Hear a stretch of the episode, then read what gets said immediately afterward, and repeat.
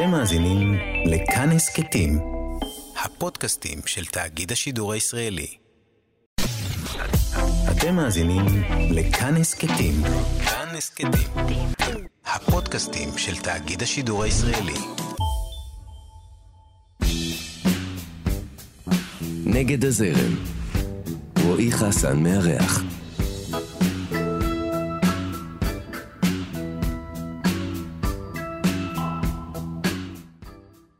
היא גדלה בבית של צייר ואימא כותבת וחונכה שהדרך לחיות היא ליצור. אבל כשבחרה להשתמש בכספי הירושה כדי להוציא אלבום, כולם חשבו שזו טעות ושעדיף שתקנה דירה. אז אולי הם צדקו לגבי הדירה, אבל אנחנו לפחות קיבלנו את אחד האלבומים המוצלחים והמצליחים במוזיקה הישראלית בשנות האלפיים. אתם הנגד הזרם, כאן תרבות, אני רועי חסן ויש לי את הכבוד והעונג לארח כאן היום בתוכנית את המוזיקאית והיוצרת, עלמה זוהר. היי עלמה, מה שלומך? בסדר גמור. איזה כיף שאת כאן, אה, הרבה זמן לא התראינו. נכון, נכון. אה, אז זה משמח כפליים. אה, מה שלומך בימים אלה? בסדר, סוג של כן. מה זה סוג של? אני אף פעם לא מבין שאומרים לי סוג של. אתה יודע, הכי מתסבך אותי שכותבים לי בוואטסאפ סוג של. שאני שואל משהו, אז אני לא, לא, לא לגמרי מבין מה אומרים. זה לא כן נלהב, אבל זה כן, אה, כן, סבבה. כן. ברוך השם. אוקיי, אז אנחנו נתחיל ככה עם אה, שאלת הדגל של התוכנית, בכל זאת, אה, נגד הזרם. איך את מרגישה עם ההגדרה הזאת? אה, שאולי הייתי שמחה להיות עם הזרם לפעמים, אבל אף פעם זה לא הולך לי. אבל הי- הייתה תקופה, נראה לי, לא? שזה תקופה איכשהו- שהזרם- שהזרם מתחבר איתך.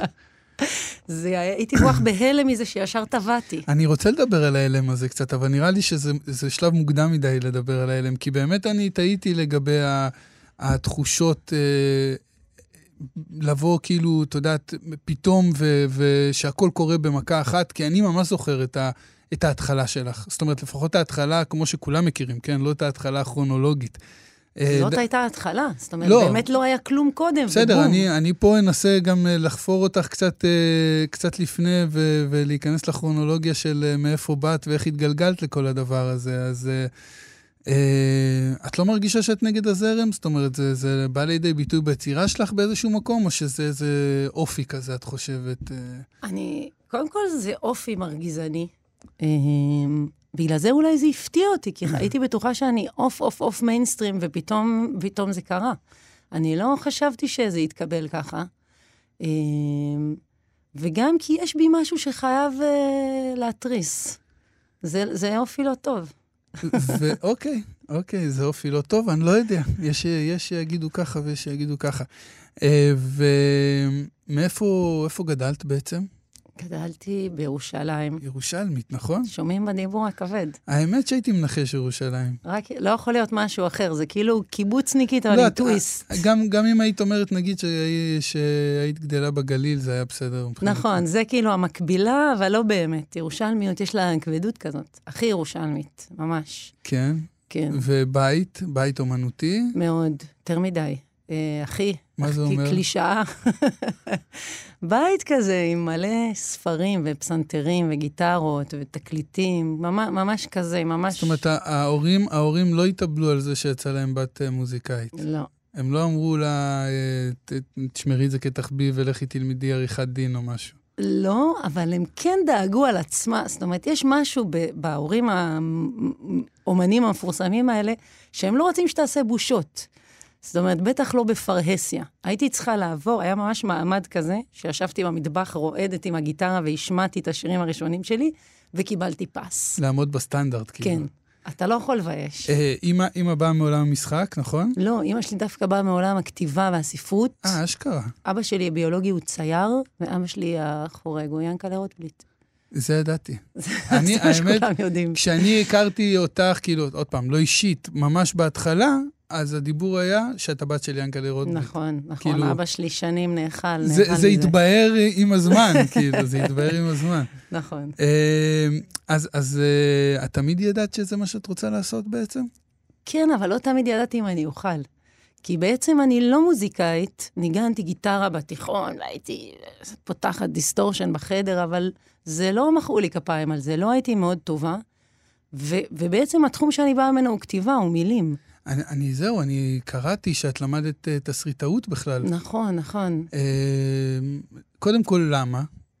כי, כי הרגשתי מצפון, היה לי מצפון על זה שההורים חסכו לי לתואר ולא עשיתי תואר. פתחתי נגרייה עם הכסף הזה. אשכרה. כן, הייתי, אני, בעצם המקצוע היחיד שיש לי ברסמי זה נגרית.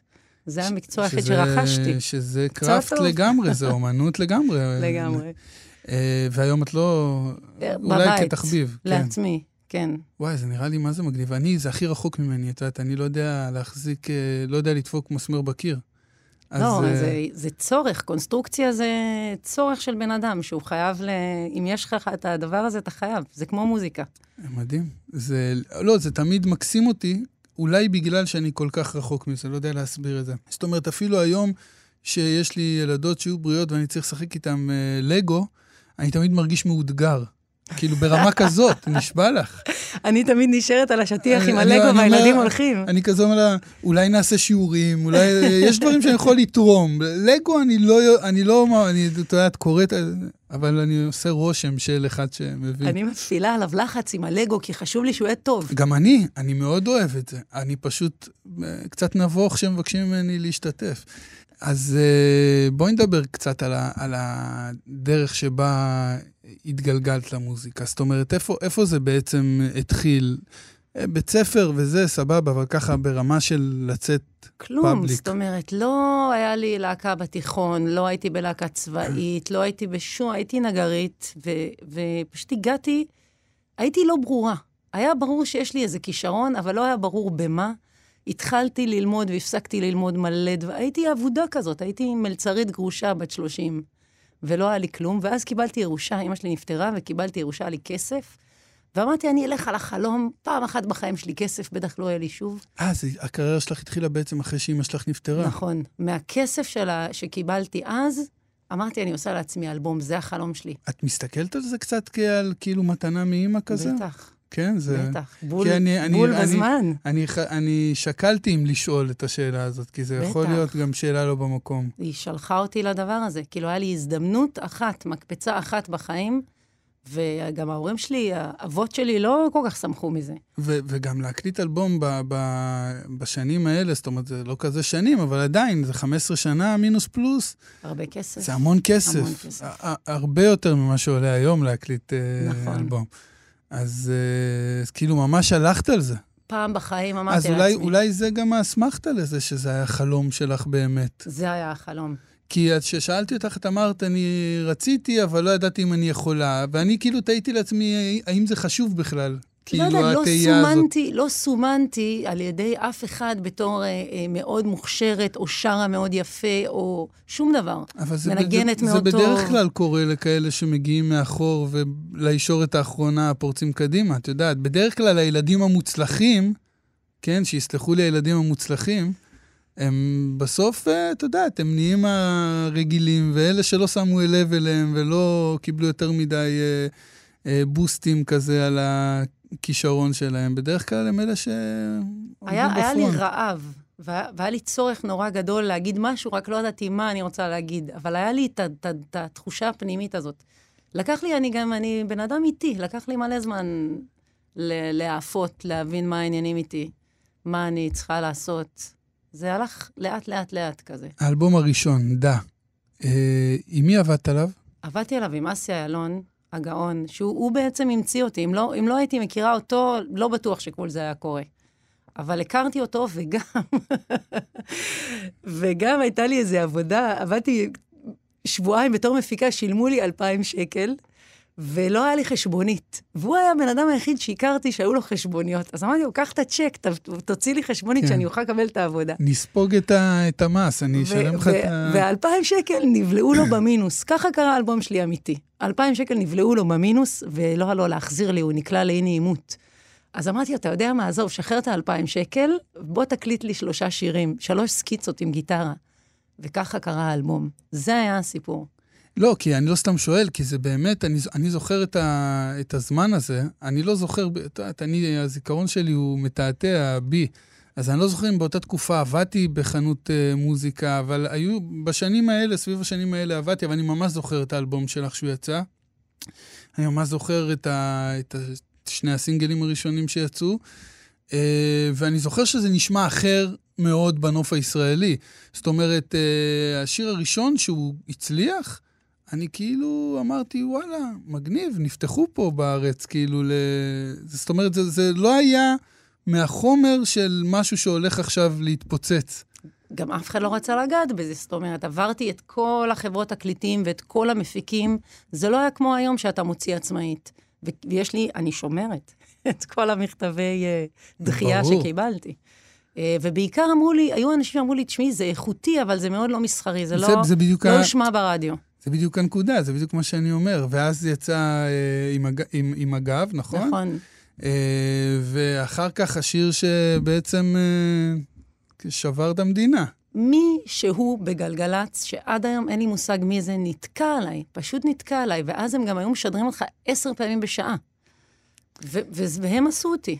אה, אני, אני גם, יש לי סיפור אישי איתך, אה, זאת אומרת, לא איתך ספציפית, אבל עם האלבום הזה, שאשתי מאוד מאוד אהבה את האלבום הזה, והיה שם שיר שעד היום מפקיא אותה, וזה אחד השירים שהיא הכי אוהבת. נראה לי שאמרתי לך את זה פעם, באמת? לא? יכול אני לא יודע, אני לא סגור על לא זה. זוכרת. Uh, זהו, אנחנו שנינו עם בעיות זיכרון, זה הכי כיף לדבר ככה עם, עם מישהו שהוא... בסוף נחזור לתחילת כן. השיחה מהחלק. לא, כי אנשים עם בעיות זיכרון, הם זוכרים את הדברים הכי מטורללים, אתה יודע, אתה לא זוכרים את זה. Uh, אז כאילו, גם ברמה האישית זה זה, ואז אני זוכר שיצא האלבום השני, אז כבר קניתי לו אותו מתנה. זאת אומרת, זה היה כזה... האלבום השני ההתרסקות אחרי האלבום הראשון. Uh, בסדר, זה קורה. כן. זה קורה ל, ל, לרוב, נראה לי. כן? כן, כן. זה כאב. אה, אני בטוח. בטח. גם יש uh, ציפיות, את יודעת, כולם רוצים מהמוכר. זה בדרך, זה בדרך כלל הבעיה של האלבום השני, הספר השני הזה, כי הבן אדם עובר איזשהו תהליך עם היצירה שלו עם עצמו. אז היצירה שלו גם משתנה, uh, ו- ואנשים מצפים לקבל את אותו דבר לנצח. וזה קשה. לנצח זה, הם מצפים לקבל את אותו דבר. זה מאבק מאוד קשה של uh, יוצרים, נראה לי. הדבר הזה בין הרצון של הקהל לקבל את המוכר והאהוב, לבין ה... הטבעיות שבלהתפתח ו... ולהשתנות. עוד לא נמצא לזה פתרון טוב. Uh, כן, עוד לא נמצא לזה פתרון טוב. אבל uh, בסדר, אנחנו לא פה בשביל uh, זה. לפתור את הסוגיה. כן. לא, גם לא בשביל uh, זה, אנחנו... כי תשמעי, אני, אני באמת חושב שאת עשית דרך מופלאה עד עכשיו, ב, בלא לא, לא כל כך המון זמן. Uh, בשנים האחרונות גם יצאו לך בו שני אלבומים ועוד אלבום ילדים, נכון? אלבום שיר ילדים. יצאו מאז כבר, כן, אלבום שיר ילדים ועוד שלושה אלבומים למבוגרים, האחרון לפני חמש שנים. אה, וזהו, ואין אותו באפל מיוזיק, משום מה. אין אותו? יש רק את השיר, את הסינגל. אני אפטר מישהו. יש את הסינגל, אבל אין את, ה, אין את ה-EP בשלמותו, זה EP כזה, נכון? זה EP. למרות שהיום כבר לא קוראים לזה EP. היום שישה שירים זה אלבום. זה אלבום? כן. היום כבר אין אלבום, אתה יודע, היום עושים שירים. את באמת, היום הדיבור כאילו של אה, אומנים, שאני שומע צעירים וזה, אף אחד לא מדבר על אלבום. אני עושה שיר, ועוד שיר, ועוד שיר, ואז מוציאים את זה. שישה, שמונה שירים זה איפי, זה, זה לא איפי, זה אלבום, כאילו, היום. אני לא הוצאתי כלום מאז, אז אין לי מושג מה קורה. אה, זהו, מאז נדמתי. ולמה בעצם? כי, כי תשמע, אני, אני, אני ברוק, והרוק זה היה גל אדיר שהגיע לגבהים מטורפים, אבל הוא נמצא היום בנסיגה. ואני, יש לי המון כבוד לטרובדורים האלה שאומרים, אני עכשיו כותב בלדת פולק, עשרה בתים, אבל באיזשהו מקום, אם אתה הולך על הדרך הזאת של להתאבד על, ה, על הדבר הזה, אתה קצת מנותק. אנחנו קטנים מדי בשביל uh, ללכת עם איזשהו משהו שהוא נישתי. זאת אומרת, מבחינת המדינה, מבחינת הכמות של האנשים. גם עם מי אתה, עם מי אתה מדבר? אתה מדבר ללמפה. זאת אומרת, או שאתה מגיב, מגיב למציאות, כן, כי המציאות נהייתה נורא ערסית. כאילו, המציאות זה פוטין ואוקראינה ובן גביר ומורן אסולין ו... זה מה שקורה. עכשיו, או שאתה, לא, או שאתה לא מדבר עם זה ואתה ברומנטיקה של עצמך עושה איזה משהו לא קשור, או שאתה רוצה... אני, אני בא לי בס וסלסולים. אין לי, קשה לי עם עצמי, כאילו, במקום אבל, הזה. אבל אני חושב שגם רוקנרול, אני לא יודע אם הייתי שם אותך במקום של רוקנרול, דיסטורשנים ועניינים ו... יותר גרוע, רוק נשירה. אה, הסוגה גם, גם זה לא הכי הייתי, גם מתה, זה לא הייתי הכי. מתה גם זה לא הייתי בעולם. אומר. נגד הזרם. אתם על נגד הזרם, אני כאן עם עלמה זוהר. אה, עלמה, אז אה, בוא, בואי נדבר רגע על ה... על ה... נתת פה איזשהו אה, עניין עם הרוק והמוזיקה וה... אה, אז, אז מה, יש מחשבות כאילו על, על הקריירה, על רלוונטיות, על כאלה? זה, זה, לשם את לוקחת את זה? כן, כן, קצת. זאת אומרת, אני מחפשת משהו שיהיה יותר, אה, שיהיה יותר קשור למה שקורה מסביבי. לא בא לי להמשיך לעשות את המוזיקה מאוד... זה נעשה נישתי, זה נעשה בועה. ואני... חנוק לי שם. כאילו, אני מאוד... אני הולכת לכיוונים קצת אחרים. זאת אומרת. את, את דווקא מחפשת את החיבור למה שקורה עכשיו. אני רוצה להגיב. כן. נו, לא ומה... רוצה להיות נחמדה יותר. אז מה, מה מונע, מה מונע בעדך? לא מונע כלום, אבל אני צריכה שתנשוב עליי רוח חדשה. אני עושה עכשיו לייב uh, MC עם די-ג'יית מהממת ששמה יפית בריסי. משהו לגמרי אלקטרוני, לגמרי על ביטים. זה גם עולם, אבל זה גם... Uh, יש לי איזה שיר הודי, שרה ביוונית. אני עושה כל מיני... מחפשת, שמע, הרוק זה 1, 2, 3, 4. עכשיו, עשו דברים הכי מדהימים, אני גדלתי על 1, 2, 3, 4. 1, 2, 3, 4, 1, 2, 3, 4. אבל לפעמים בא לי 7 ו-9 ו-11, כאילו, ודברים שיזיזו אותי למקום אחר.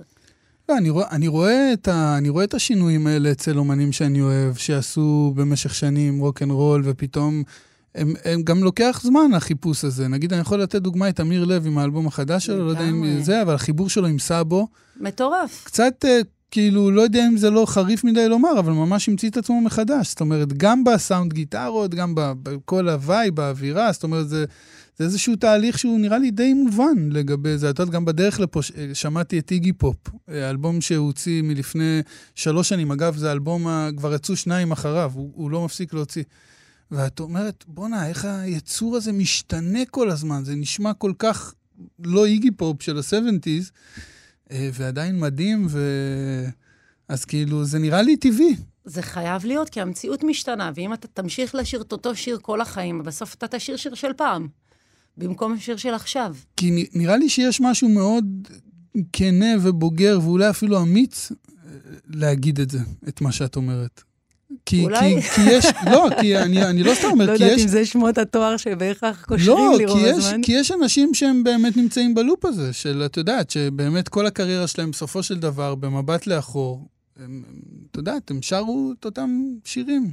יכול, יכול להיות, גם יכול להיות שהם אחלה, ויכול להיות שיש להם קהל שמאוד אה, הולך אחרי זה. אה, יש דברים שקורים עכשיו שאת אוהבת במיוחד, נגיד? שכאילו את אה. אומרת, וואו. יסמין מועלם בטוח. אה, כן, אני בכלל, אני לא מהמקוננים. כן. כאילו, אני לא חושבת שפעם היה יותר טוב. לא, גם אני לא. אולי לי היה פעם יותר טוב, אבל לאו דווקא שפעם היה יותר טוב מבחינה אומנותית. ואני חושבת שיבואו עוד דברים, זאת אומרת, קורים דברים מעניינים. את גם, את כזה בן אדם גם של חיבורים עם אנשים, נכון? את כל הזמן מחפשת, אה, לא יודע אם מחפשת, אבל לפחות מוצאת את יוצא עצמך בשיתופי ככה. פעולה עם אנשים, יוצא עם ככה. חיבורים. אה, כי עם- אני גם, באמת, יש לי מוגבלות. ואם אני לא, גם, גם ה-EP הזה שעשיתי אותו עם דודו טסה, באתי אליו, אמרתי לו, שלוף אותי, אני רוצה לא להישמע כמו עלמה זוהר. תעשה לי... וזה יצא נורא מדהים, כאילו, זה, זה כן יצא אני אני, מאוד בסוף. אוהב את האלבום הזה. אני חושב אני. שהוא אלבום פצצה, כאילו, אלבום פצצה באנרגיות שלו, גם בטקסט, בהכל, כאילו. גם את נשמעת שם אחרת. את נשמעת שם אה, כאילו על אה, 200 קמ"ש, נכון? כן, אבל בואנה, זה חי. כאילו משהו מהנינוחות שלך נעלם שם. לגמרי. כי את אה, מאוד נינוחה. כי אני לא באזור הנוחות שלי. זה בדיוק מה שאמרתי לו, שלוף אותי מה... ואיך היה לעבוד איתו? מדהים, כן? מדהים. זה היה כיף, אני חושבת שזה יצא... הוא שומע- ארטיסט, דודו, אה? הוא שומעים אומן- לגמרי אותו אומן, ולגמרי אומן. אותי. כן? נכון? כאילו ב... בת- בתפיסה שלו מוזיקה. מאוד, מאוד מאוד. בן אדם אה, רציניסט, נשמע, נשמע ממנו. לי חוויה אה, לעבוד עם דודו. מאוד. אז אני רוצה, את יודעת, אני ככה בתוכנית שואל, מה הלאה וזה, אז נראה לי קיבלנו את התשובות לגבי המה הלאה, מה... אין מה- לדעת, מה- כן. הולך להיות מפתיע. אז בחיים שלך עשית עכשיו קצת שינויים, נכון? אני, אני, אני, אני בפעם האחרונה שפגשתי אותך היינו שכנים. נכון. זאת אומרת, את גרת בגבעת אולגה שם נכון, בחווה, נכון. בחווה של אליק, ואני חדרתי, אז... אז עכשיו הבנתי שעבר דירה, הוד השרון. נכון, וואו, וואו, הלכתי על האקסטרים. נהייתי, נהייתי זוג פלוס שלוש, תוך אה, דקה וחצי. פלוס שלוש? כן, הוא הביא גם שניים. אה, אשכרה, התחתנת וזה, זה גדול. התחתנתי. אה, נו, ואיך זה להיות פלוס שלוש? וואו. אני פלוס שתיים, זה, זה מאתגר גם ככה. מהמם, האמת שהם גם מהממים. גדולים? נס. כן, גדולים, 11 ו-15. זה ממש גדולים. ממש גדולים. אז אני, אתה יודע, זה שלוש התאהבויות. ואיך, איך, איך, סתם, זה אולי חטטני מדי, אז תגידי לי אם לא, תשאל. אבל איך, איך בקונסטלציה כזאת, אה, כאילו של שני ילדים וילד מגיעים ביחד לאותו בית, זה נהיה חיבור כזה קוסמי? האמת שחמסה חמסה... הם נהיים אחים? הם, הבנים נהיו מאוד אחים, הבנים הם שמונה ואחת עשרה, והגדולה היא כבר לא סופרת אף אחד. אבל כן, זה עבד לנו, זה, זה נס. זה מדהים. נס, נס, נס מטורף. ממש. יופי. לא, באמת, זה נשמע, אה, זה כאילו, אתה יודע, זה כזה... תשמע, זה לא תמיד קורה. יכולתי גם להתאהב בגבר שלא הייתי מתאהבת בילדים שלו, ואז זה יכול היה להיות אסון, אבל זה נס. זה כן, זה יכול להיות מכשול, אבל נראה לי שזה לא היה מתפתח לכדי חתונה. נכון. לא? אז יופי, אז אה, נשמע, ש... נשמע שבדבר הזה את במקום הנכון. שמחה מאוד, מאוד.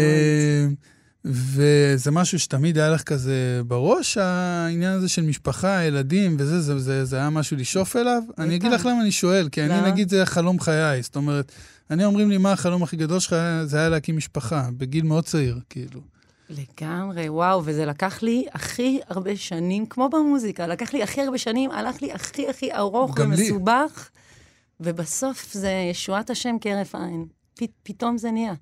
אה, לפעמים יוצא לך לחשוב אם לא היית מוזיקאית, מה היית עושה? זאת אומרת, היית... אה, בקלות. כן, מה, נגרית? חוזרת לנגרייה? האמת שיכולתי לעשות המון דברים. אה, סביר להניח שעדיין הייתי מלצרית. עדיין. אני ממש טובה בזה, אני עושה אחלה כסף. מלצרית, את אומרת. אני, את יודעת, אני, אני בחיים לא עבדתי כמלצר, למרות שתמיד שמעתי שעושים בזה אחלה כסף. עושים. עבדת מטבחים. כן. אני יודעת את זה.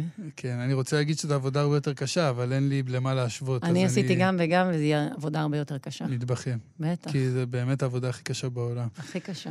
כן, להגיד שאני מתגעגע לזה, אני לא, לא, לא יוצאו את זה ממני.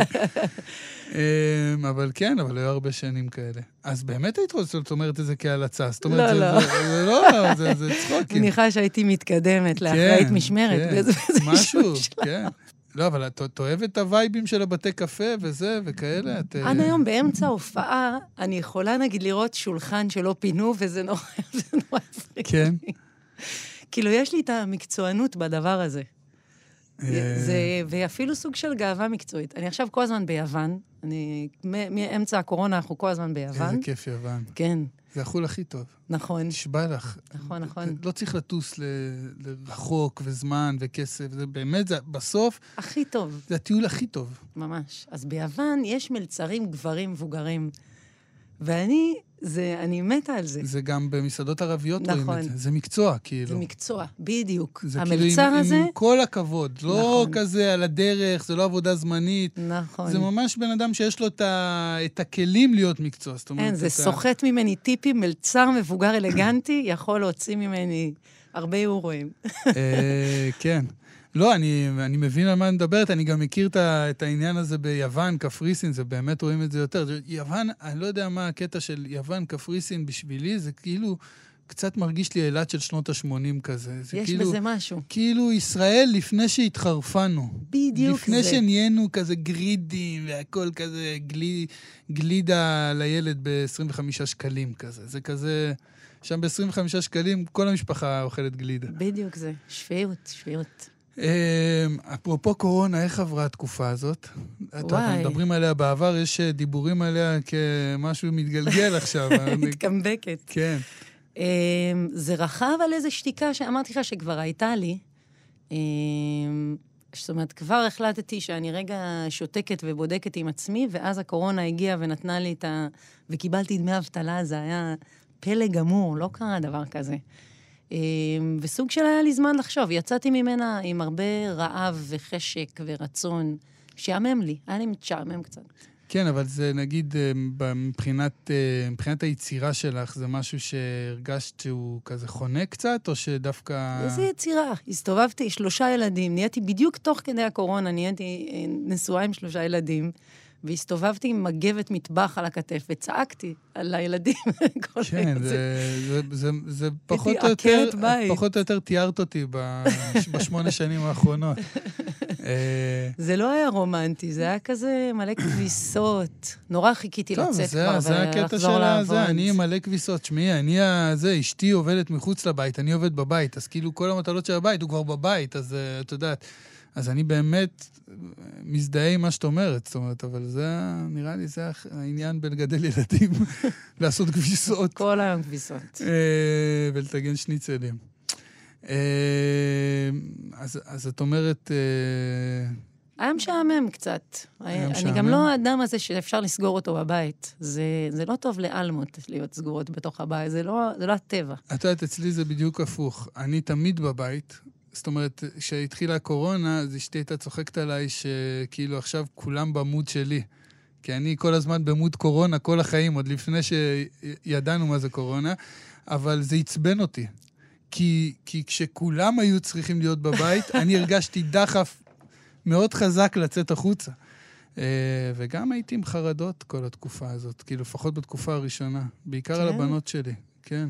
אני, היה לי רק התקף אחד באמצע, שהוצאתי את כל הכסף במזומן, והחבאתי אותו במלא מקומות בבית, ועד היום לא בטוח שמצאתי את כולם. זה, זה הסיפורים של נייר טואלט בסופר, כזה אנשים שהעמיסו. היה לי פתאום, וקניתי שתילים של ירקות, אמרתי, בואו נגדל ירקות ובואו נגור על אי.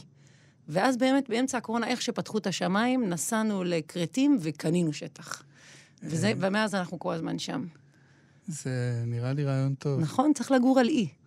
בכרתים, אפשר גם לא, אפשר גם למצוא איזה... אי, אי, צריך אי. על מה? כן. מה קדימה? יש איזה שאיפות, איזה חזון, איזה vision, איזה משהו שאת יכולה ככה לסכם לנו את ה...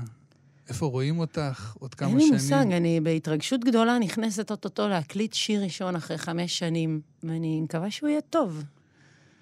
אני לא יודע, יש לי תחושה שהוא יהיה טוב. עם מי את עובדת? זיו מורן הנהדר, שהוא פרטנר שלי על הבמה ובאולפן ובהרבה דברים בשנים האחרונות. אז יש למה לצפות. יש. אה, זהו, נראה לי אנחנו ככה מתקרבים אה, לסיום התוכנית. רק אני אגיד דבר כזה, יצא לך ב... לפני כמה שנים, שלוש או ארבע שנים, תקני אותי, אלבום פלא, אלבום לילדים. נכון.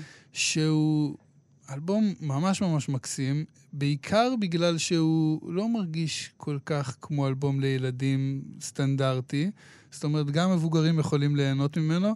ואת יודעת, אני אומר את זה, אני קצת כזה הולך בפיתולים, אולי מהסיבה ש...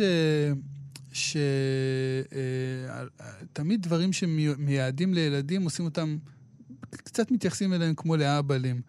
ובתחושה שלי זה ההפך הגמור מה, מהיחס הזה. אה, זה משהו שהיה חד פעמי מבחינתך, או משהו שנראה לך... אה... בינתיים לא עשיתי עוד ילד. אה, האמת שעשיתי את האלבום הזה לעצמי לגמרי. זאת אומרת, אני תמיד קל היעד של מה שאני עושה. לא עשיתי אותו לילדים. עשיתי אותו לעצמי, וזה היה העולם שלי. זאת אומרת, זו הייתה תקופה בחיי שבעיקר אה, פלטו עליי גרפצים.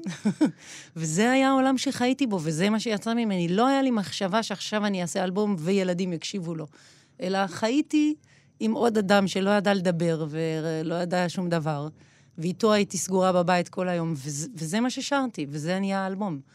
אה, אז באמת הוא לא מיועד לילדים, ויש בו, בו משהו לא ילדי. אבל יש בזה גם משהו שאולי שייך לפעם, למשהו שלא, שלא נתקלים בו כמעט היום, של מוזיקאים פעילים, שעושים את המוזיקה שלהם, מוציאים אלבומי ילדים, נכון? זה משהו שפעם נכון, היה... נכון, מאוד היה. פעם זה, זה היה. זאת אומרת, ב, בעצם הזמרים באמצע הקריירה שלהם, מתי כספי, חווה אלברשטיין, כל מיני... הילדים, רוצה... כל הדבר כי, הזה. אבל המון, המון דוגמאות יש, שבאמצע הקריירה הקליטו פה אלבום ילדים, פה זה ילדים, זה סופרים הוציאו ספרי ילדים. היום זה כאילו מרגיש שזה לא קורה עם מוזיקאים פעילים. אני חושבת שערוץ הילדים, מיום שהוא נולד, בעצם שם לזה סוף. כי בעצם הוא, ערוץ הילדים, כשהמציאו את הדבר הזה, הפרידו את עולם הילדים. עד אז לא הייתה, לא היו אומני ילדים ואומני לא ילדים. זה המצאה של ערוץ הילדים. אמ, אבל אני נגד הזרם. כן. אה, אחלה. אז עלמה, אה, ממש כיף שבאת לפה. ממש. אה, שמח לראות אותך תמיד. תודה רבה. אתם הייתם על נגד הזרם, כאן תרבות. אני רועי חסן, אני איתכם כאן גם בשבוע הבא, בעזרת השם, אותה שעה, אותו מקום. להתראות. אתם מאזינים לכאן הסכתים, הפודקאסטים של תאגיד השידור הישראלי.